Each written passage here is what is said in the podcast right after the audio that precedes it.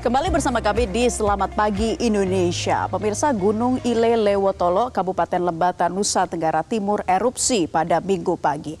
Aktivitas erupsi terekam dua kali oleh kamera CCTV di pos pemantau gunung. Tinggi kolom abu dari erupsi Gunung Ile Lewotolo, Kabupaten Lembata berkisar 600 hingga 1000 meter. Kolom abu berwarna kelabu dengan intensitas tebal, condong ke arah tenggara dan barat. Status gunung saat ini berada pada level waspada. Warga dihimbau tidak beraktivitas dalam radius 2 km dari puncak gunung.